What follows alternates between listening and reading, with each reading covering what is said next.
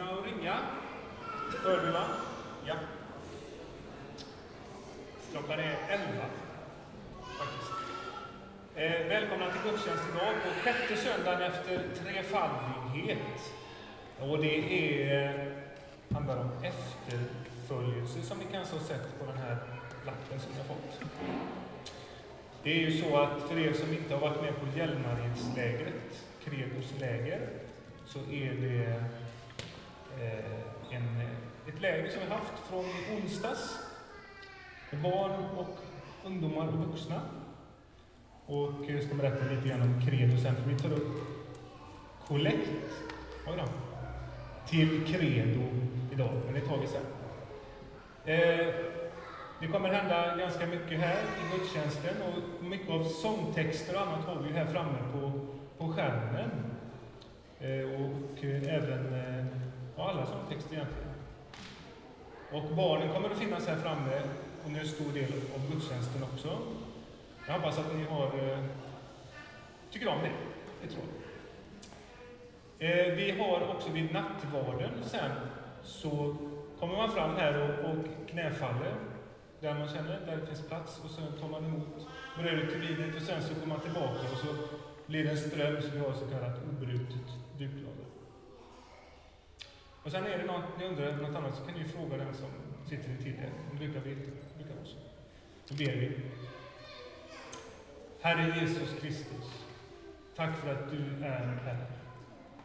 Öppna våra hjärtan och sinnen för dig. Låt din helige Ande få genomsyra allt vi gör. Vi överlåter oss åt dig. Jesu Kristi den välsignades namn.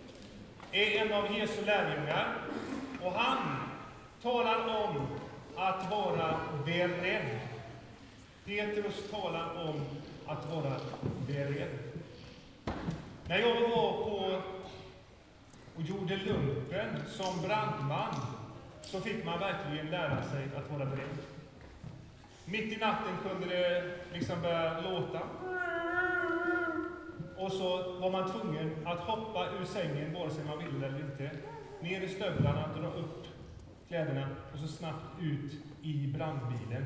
Och där skulle allting vara redo. Allting skulle vara klart. Därför att det var viktigt, för det kunde handla om sekunder om man skulle rädda liv eller inte.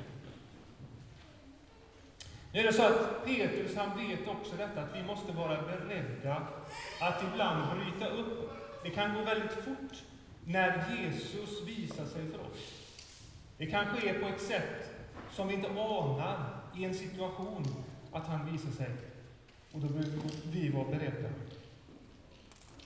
För det är det han gör. Han visar sig för oss på massa olika sätt. På det läget vi har varit så har han gjort det. Vi har varit med om det.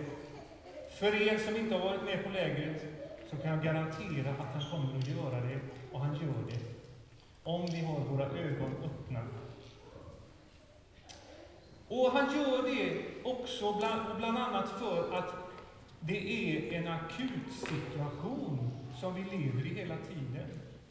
Människor behöver höra om Jesus hela tiden.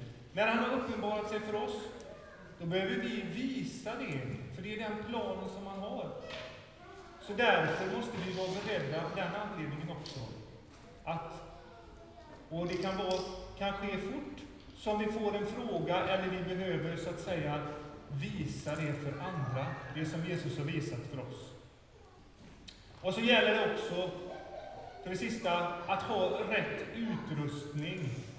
Som brandman, definitivt, så att man inte blir bränd av lågorna och eh, skär sig, eller vad det nu är för någonting.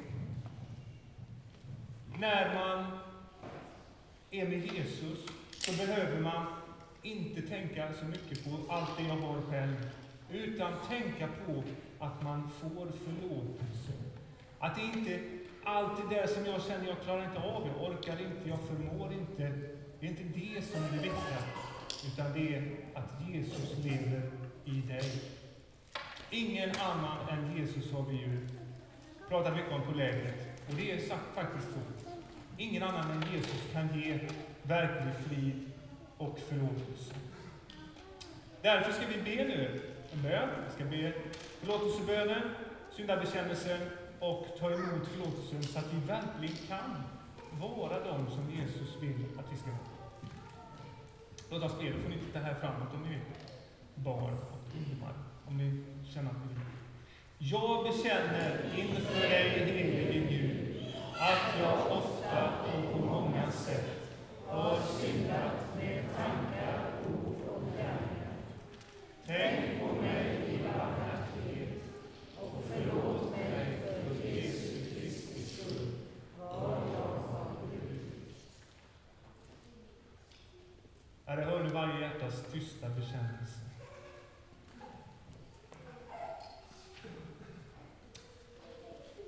Jesu Guds Sons blod renar oss från all synd. Detta litar jag på och vill ta emot förlåtelsen för Jesu Kristi skull. Till dig som ber om förlåtelse säger jag på vår Jesu Kristi uppdrag, dina synder är dig förlåtna. I Guds Faderns, Sonens och den helige Andes namn. Amen. Gud vår Fader, tack för att vägen till dig alltid är öppen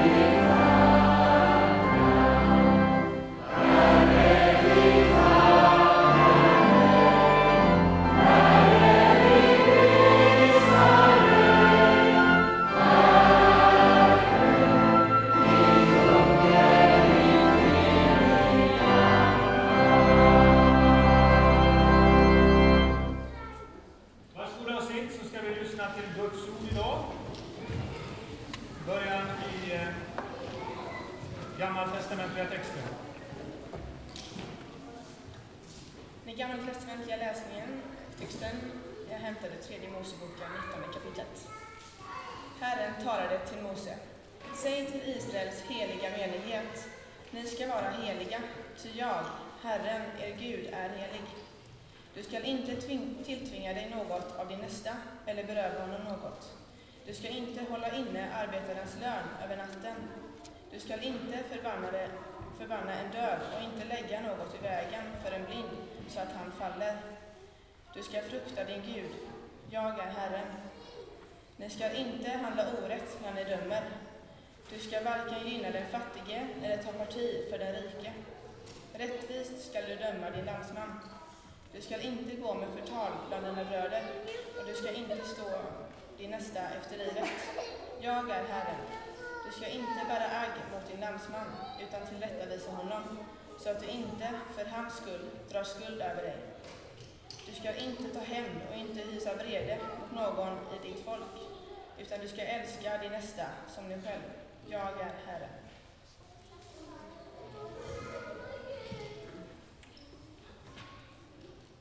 Jag läser episteltexten från första Petrusbrevet, kapitel 1, vers 13-16.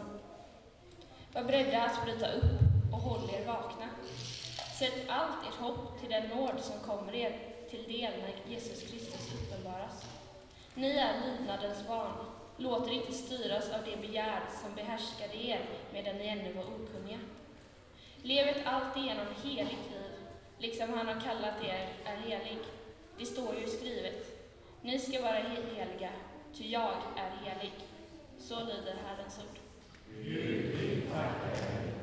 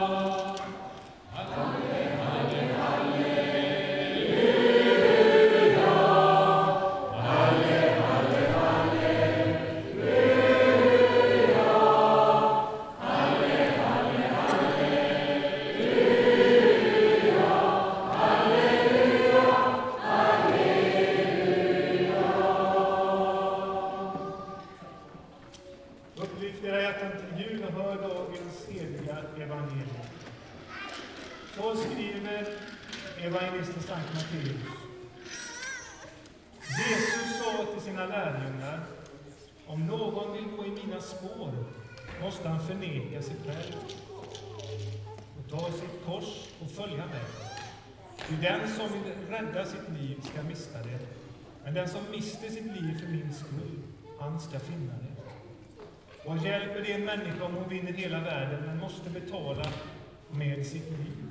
Med vad ska hon köpa tillbaka sitt liv?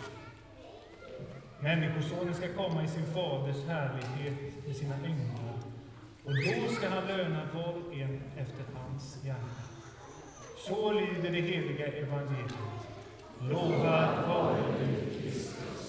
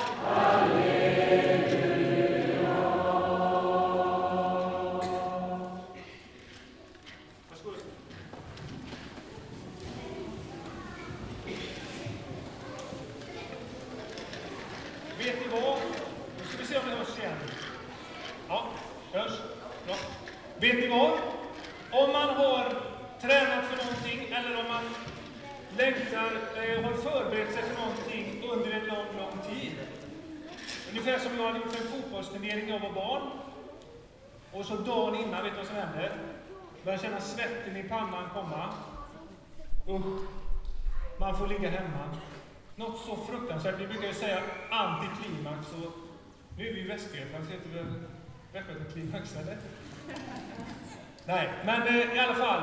Eh, det är fruktansvärt när man har förberett sig för någonting, när man varit och liksom sådär, och så får, får det inte bli någonting av det. Man får inte utföra det som man hade tänkt. När man har mött Jesus, när man har varit på, en stor, på ett läger eller när man överhuvudtaget har mött honom på olika sätt och, och liksom känt att det har berört. Och sen så blir det liksom ingenting mer. Det blir inte alls bra. Det är därför vi behöver den här söndagen, där Jesus säger till oss, följ mig, eller gå i mina spår. Gå i mina spår. Gå efter mig. För Jesus, han vill visserligen göra sådana här eh, härliga upplevelser för oss, där vi är uppe på berg och där vi andas frisk luft, där det känns underbart allting. Men han vill också ta med oss på andra ställen. En gång när jag var med några stycken och vandrade i fjällen, så eh, gick vi där och så ut med eh, stigen, så var det några spår. Och så var de, vad är detta för någonting? Mats, du måste veta, det var någon som sa. Du är ju, tycker ju om vildmarken och så. Det gör jag faktiskt. Och så sa vad är det för några spår? Och jag tittade och tittade. på. tänkte kanske en björn, sa jag till dem. Tänk om det blev. Och alla blev lite rädda, så man gick omkring sen och var väldigt sådär, oh, mm, det kan vara en björn. Kan det vara det? Så kom vi längre fram och så visade det sig att de här spåren, de gick väldigt nära stigen hela tiden. Och då så var det någon som sa, det är ju en hund. Och vad vill jag säga med det? Jag vill bara säga att det gäller att kunna vara uppmärksam på och se vad är det för spår man går efter. När man går efter Jesus, då kan man liksom inte bara tänka så här att han är ju visserligen tydlig, men man måste vara uppmärksam för att se vart han går. Och det är ju det som är det roliga va? med att följa någon, och följa Jesus. Det är att han går inte bara där som det är motorvägar, allting är förberett. Och du och jag vill väl inte heller det? Där allting är, är enkelt, utan han går faktiskt i lite snåriga stigar. Han lämnar vägarna sådär. Och det är spännande att följa med Jesus. Tänk om man skulle leva ett liv utan någon form av spänning. Ibland säger man det, säger de vuxna i alla fall, att eh, vi liksom får nästan för mycket trygghet ibland. Nu ska inte ni barn ta till det, men kanske vi vuxna. Men vi tycker ju om spänning, det är bara det jag vill säga. Och Jesus, att följa honom, det är spännande. Vart tar Jesus med oss när vi går efter honom någonstans då? Jo, han tar med oss överallt till alla typer av människor, alla situationer, var vi kan förvänta oss och det vi inte också kan förvänta oss. Dit tar han med oss. Och det är så härligt, därför att det är hela tiden nya upptäckter när man följer i Jesus spår. Han tar framför allt med oss till de människor som är sjuka, till de människor som är fattiga, till de som lider. Så ser du några sådana människor eh, snart, när du kommer hem, eller om du har det i din närhet, då kan du veta att där går förmodligen Jesus. Det är en sån där ledstjärna man kan ha. Där det inte verkar sådär självklart, där det inte går sådär jättebra alla gånger. Och då får man ju tänka på sig själv också. Då tycker man så här, oj, hur ska jag klara av det här? Hur ska jag följa med Jesus? Men då, när man, när man stannar upp, när man blir lite mer uppmärksam, när man verkligen kollar efter var går spåren nu någonstans då? Då stannar han också upp och så väntar han på mig. Nu ska vi sjunga om detta.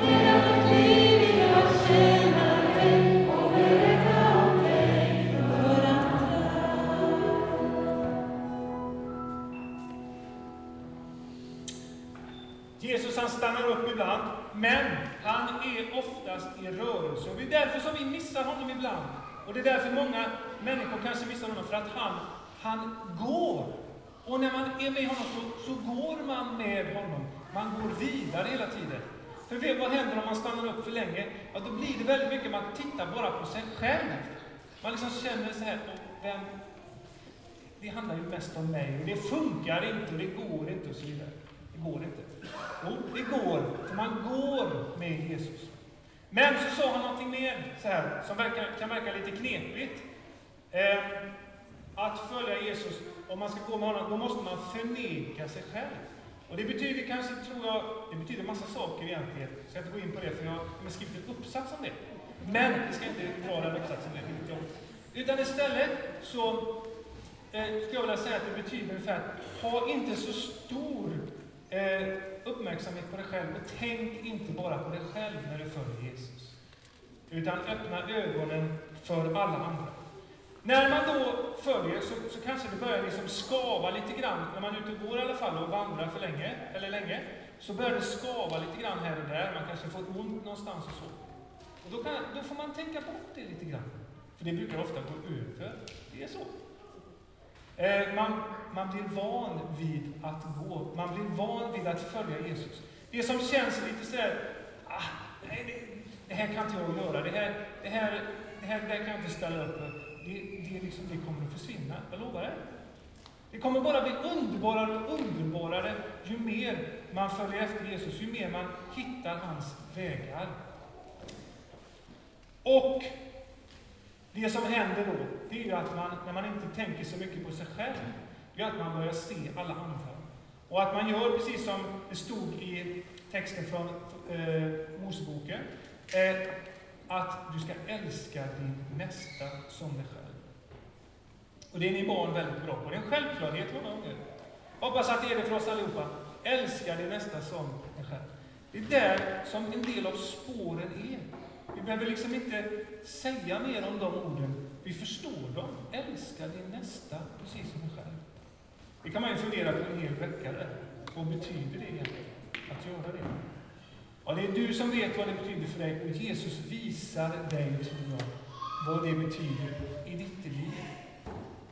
Sen hörde vi också Petrus, som jag sa förut, han sa att vi får vara beredda att bryta upp. Vi vet att vi människor, vi blir väldigt lätt bekväma. Vi tycker det är väldigt gött sådär. Vi kanske har varit på ett läger och så och vi har mött mycket av Jesus, vi har följt med honom och det har känts gott och så. Men sen så tänker jag, åh vad skönt det ska bli att komma hem ändå. Jag vill inte älska någon annan än mig själv. Jag vill inte följa Jesus så mycket. Va? Och vad gött att komma hem. Jag kan ha eh, mina eh, DB-filmer och min, min, jag kan ha min goda mat och jag kan ha allt det där. Jag har det. Ah. Och, och så kan det faktiskt bli så, i alla fall för oss vuxna, jag vet inte hur det är, att vi, vi glömmer bort att följa honom. Därför är det så jätteviktigt att inpränta de här orden i sig så att ingenting annat blir viktigare för er än att följa honom. På en flygplats så står det ofta, om ni kör en bil framför ett plan så står det ibland ”Follow me”. Om planet skulle börja liksom köra någon annanstans, då skulle det bli katastrof på flygplatsen. Och därför så är det på samma sätt, i vårt kristna liv blir det lite grann av en katastrof om vi börjar att följa en massa andra saker istället för Jesus själv. Då kan det vara gott att veta om det.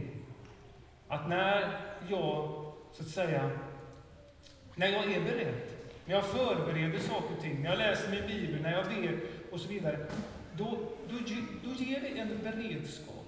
Då, då, då ligger det färdigt där. Jag kan till och med liksom ha vissa eh, bibelställen som jag har i krisläge som man slår upp, eller en del sätter upp dem här och där. Det kanske ni har gjort också? Man vaknar på morgonen och så sätter man upp, står det något positivt, något bra bibelord där. Ta reda på det. Man ska använda det på det sättet. För då missar man inte att följa efter Jesus. Ska vi sjunga igen?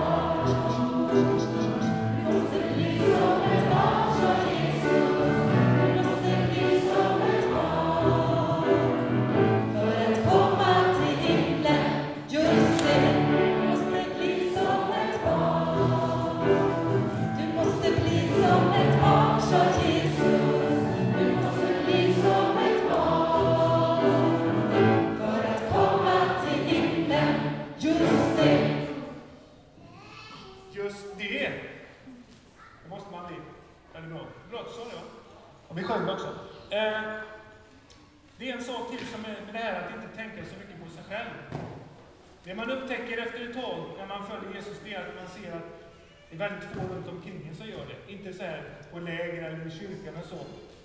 Men ibland kan man känna sig, även om man har många vänner som följer Jesus, så kan man känna att det är bara jag som gör det. Man kommer alltid i sammanhang.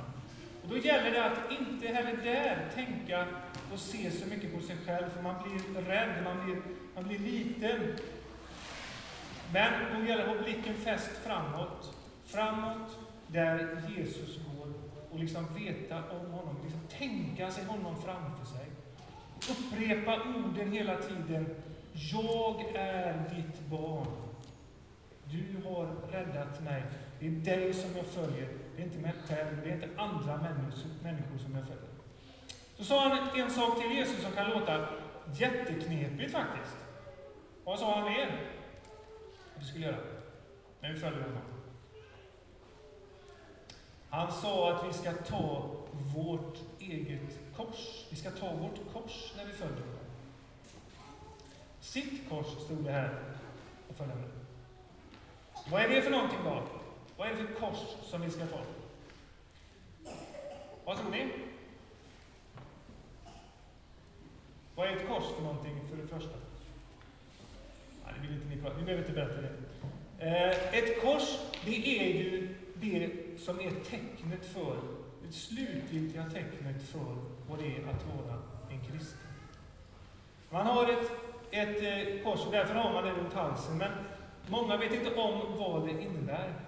Eh, det är en påminnelse för oss att det är en lätt börda vi har när vi följer honom. Därför att det är han som har tagit på sig allt det jobbiga. Det är han som har gått före och visat vägen. Det är han som har varit i alla situationer där vi skulle kunna hamna. Så när jag har ett kors, när jag tar upp ett kors, då tar jag för det första upp eh, det här med, med hans död, hans uppståndelse. Det här att jag lever i mitt dop. Att jag är som ett barn. Jag får liksom bli påminn om det när jag tänker på korset. Jag har ett litet kors här hängande på magen, eller på bröstet. Och ibland så, jag behöver liksom inte plocka fram det och se det, utan jag vill bara känna konturerna så här genom skjortan eller tröjan. Så blir jag påminn om det. Och en del har det i fickan, och det är också underbart. Men sen finns det naturligtvis en del andra kors också. Det är det här att man tycker att man skulle vilja vara på ett annat sätt. Man skulle vilja vara lite bättre, lite längre, lite snyggare, lite brightare och lite, kanske lite friskare. Men, och det här är inte så enkelt alla gånger. Jag tror ändå det är så att när vi tittar på korset och när vi tänker på oss själva och vi liksom får ihop det där på något sätt, då blir det i alla fall lättare att följa Jesus. Det kanske inte blir lätt att leva alla gånger, men det blir lättare att följa Jesus. Och det viktiga med korset också, för det tredje, det var ju det att korset, det gjorde att Jesus kunde uppstå och han kunde få evigt liv, han kunde leva i himlen. Så är det för oss också.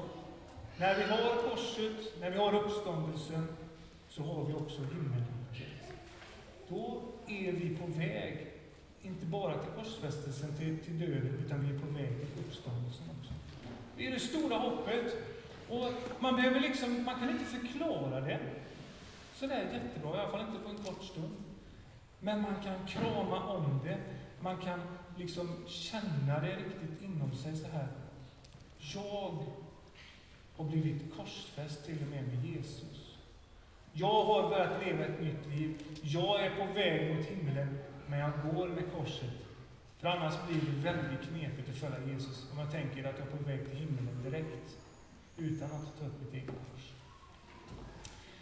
Eh, Jesus han är verkligen värd att följa. Och den här, det här att ta upp sitt kors, det är också att ta upp en lätt packning. Om man ska gå omkring med massa egna saker, då ska man inte orka gå många steg. Men när man bara har Jesu kors, då så är det, och det, man har det som det viktigaste, då liksom kommer det till saker och ting på vägen. Man får det man behöver på vägen. Jag ska bara berätta en liten, liten kort grej på slutet här. Eh, jag har berättat för en del av er om min, min eh, store idol, en man som har gått runt jorden med ett kors. Och när han kom till Sydamerika och så kom han fram till djungeln så tänkte han så här. Ska jag komma igenom här? Ja, jag har lovat att jag ska gå igenom djungeln här i eh, Venezuela och, och vidare. Och det, var, det fanns en anledning, men det, det hoppar vi över. Men det som var det häftiga, det var att han funderade på vad behöver jag ta med mig för någonting. Det var tre saker han tog med sig. Det var en machete för att kunna ta sig fram genom djungeln. Det var Bibeln och det var hans stora kors. Fem stycken andra som var med, de lämnade honom ganska snart och tänkte, vad är du för en dåre som ger dig in här i djungeln med ett stort kors? Det finns ju massor av träd här inne. Men det gick, därför att Jesus med. Den tunga bördan som det verkade som, den blev faktiskt en lätt börda. Och den hjälpte honom både att komma fram och att också få berätta på ett underbart sätt för andra om vem Jesus är. Då så, var det sång till?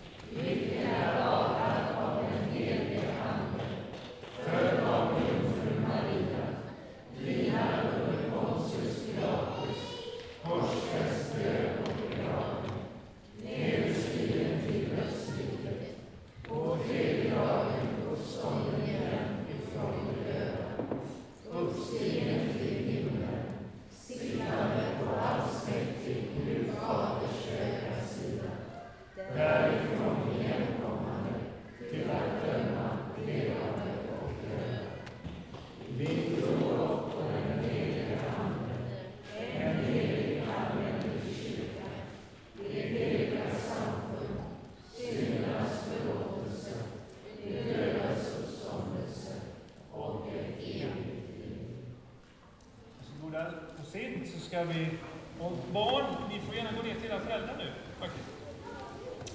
Då ska vi be kyrkans förbön.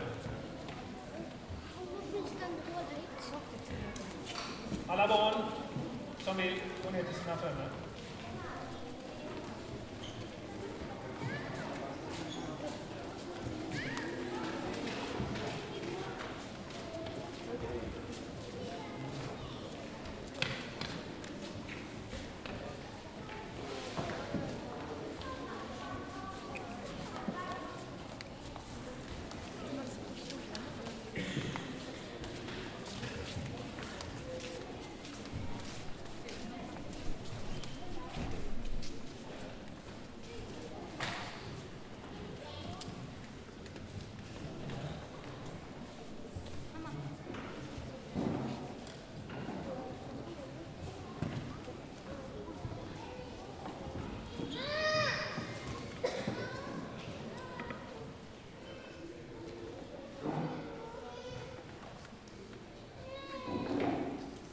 Vi ska nu be kyrkans förbön tillsammans.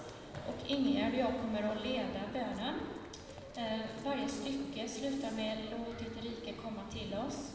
Och efter det så faller vi i gemensamt in i ett omkväde som lyder så här. Låt ditt rike komma, låt din vilja ske. Gud, vi kommer till dig med alla våra önskningar och behov och ber om din hjälp. Ditt rike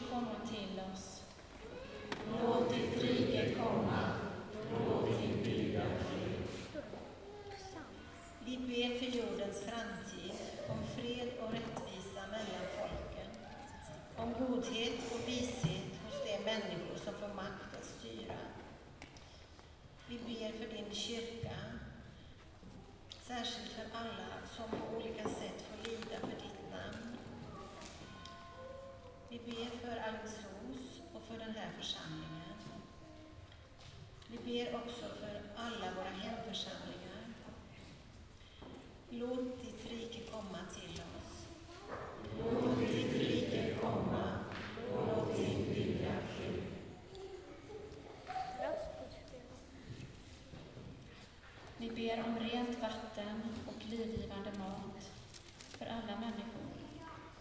Om hem, skolor och arbetsplatser där man samverkar och hjälper varandra. Vi ber för alla ungdomar i vårt land att de ska få möta dig och få en erfarenhet av dig. Vi ber idag särskilt för Credo och dess verksamhet. Vi ber att du ska välsigna det. Låt ditt rike komma till oss. Låt ditt rike komma. Låt din vilja ske. För din kärleks skull överlämnar vi oss åt dig. Tack för allt underbart du gör.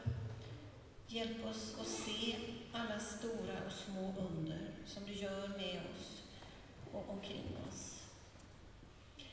I kampen mot ondskan förena oss med dig och med dina änglar och med alla dina heliga i himlen och på jorden. I Jesu namn. Amen.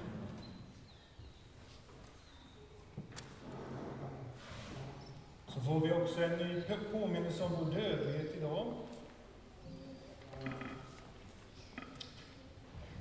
Härmed tillkännages att följande medlemmar av vår församling har avlidit.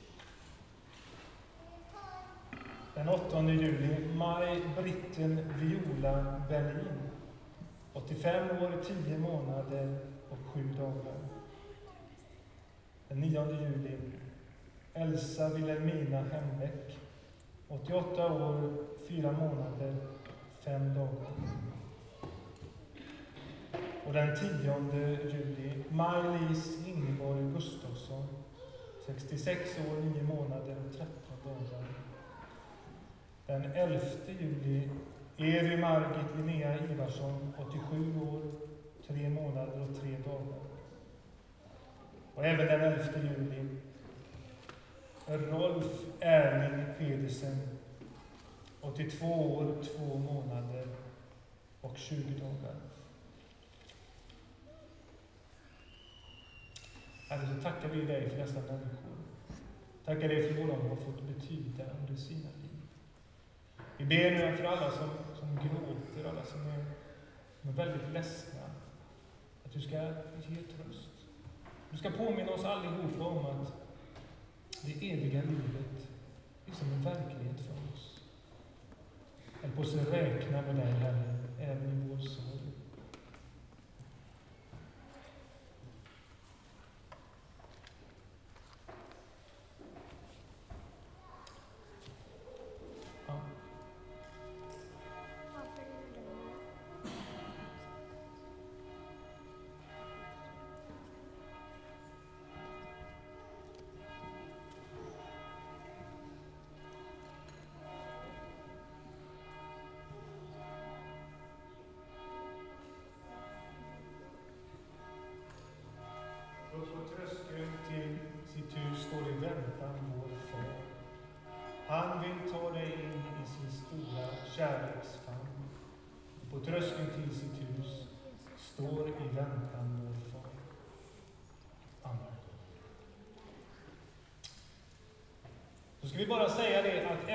Gudstjänsten eh, så är det för de som inte är med på credolägret eh, kyrkkaffe här i församlingshemmet.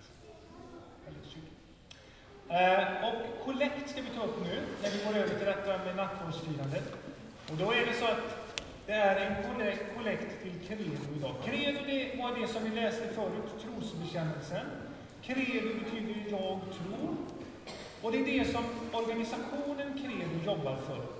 Att vi ska kunna tro. Dels bygga upp sin egen tro. Vad innebär det att, att jag tror? Ta reda på det. Och sen att dela med sig det. Att göra Jesus känd, trodd, lydd och älskad i idag. Det behövs. Det gör Credo framförallt bland skolungdomar och studenter. Jag är en av dem som har fått förmånen att få arbeta med detta i Göteborg och även här. Eh, I Alingsåstrakten, även runt omkring i Västsverige. Därför är det roligt att få, få eh, uppmuntra er till att stödja Credo. Det finns eh, 18 stycken olika högskoleorter där det finns eh, le, eh, mer eller mindre levande Kredogrupper. Det finns mängder av eh, platser, eh, gymnasier, högstadier, där det finns eh, Credo-verksamhet. Där människor får läsa Bibeln och lära känna Jesus. Så det ge en stor gåva till detta viktiga arbete som vi alla är delaktiga i.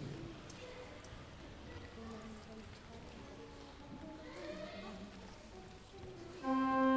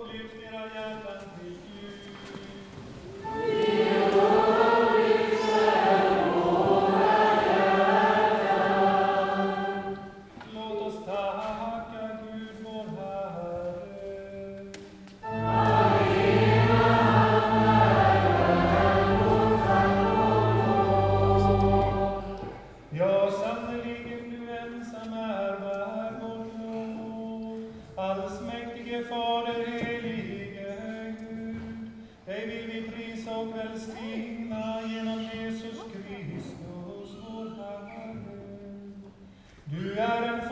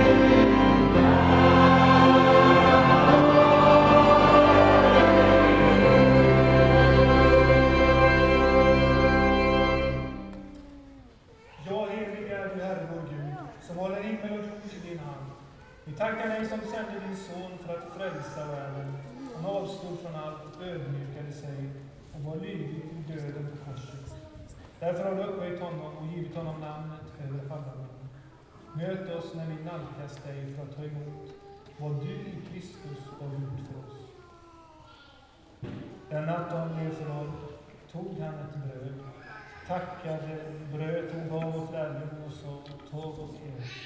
Detta är min kropp som blir utgiven för er. Gör detta i min åminnelse.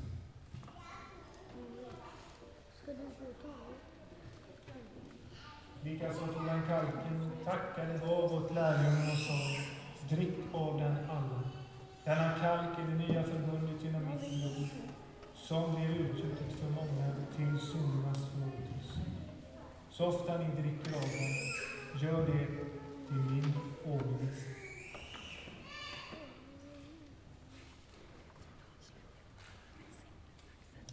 Din död förkunnar vi, Herre.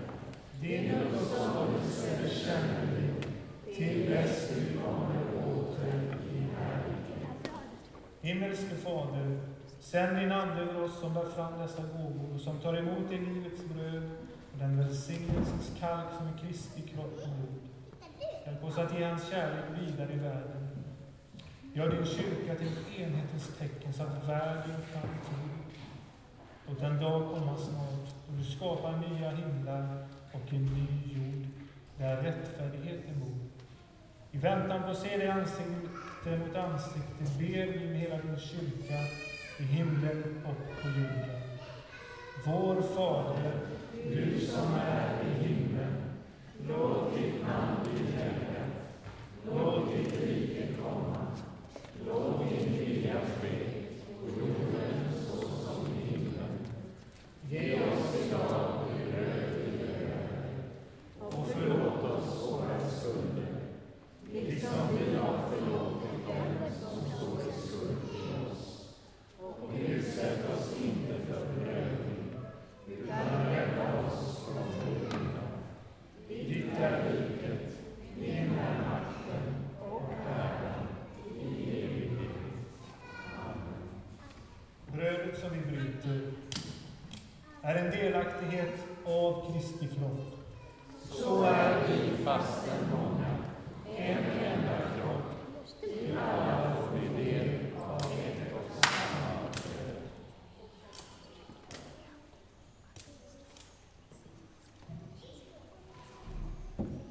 Herrens frid vare med er. Låt oss önska varandra Herrens frid.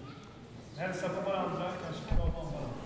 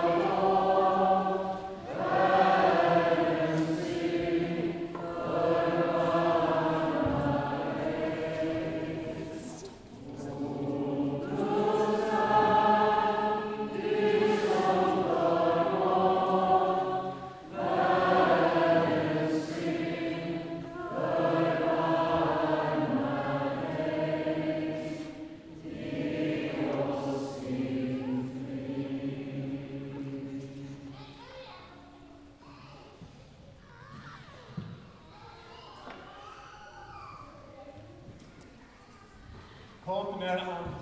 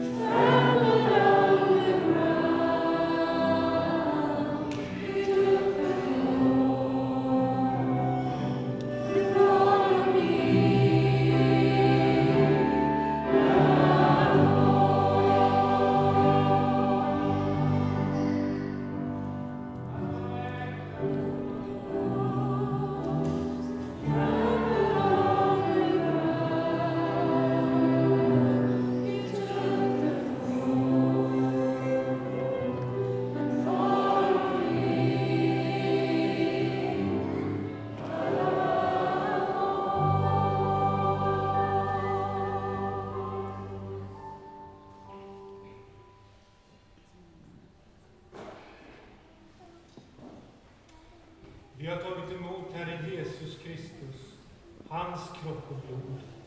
Han bevarar och välsignelse. Han bevarar oss till evig. Amen. Låt oss tacka och be. O Gud, vi tackar dig som har givit oss att äta av det bröd som kommer ner från himlen och att dricka av välsignelsens kalk. Hjälp oss att troget förbli i Kristi gemenskap och förverkliga vår kallelse att vara jordens salt och världens ljus.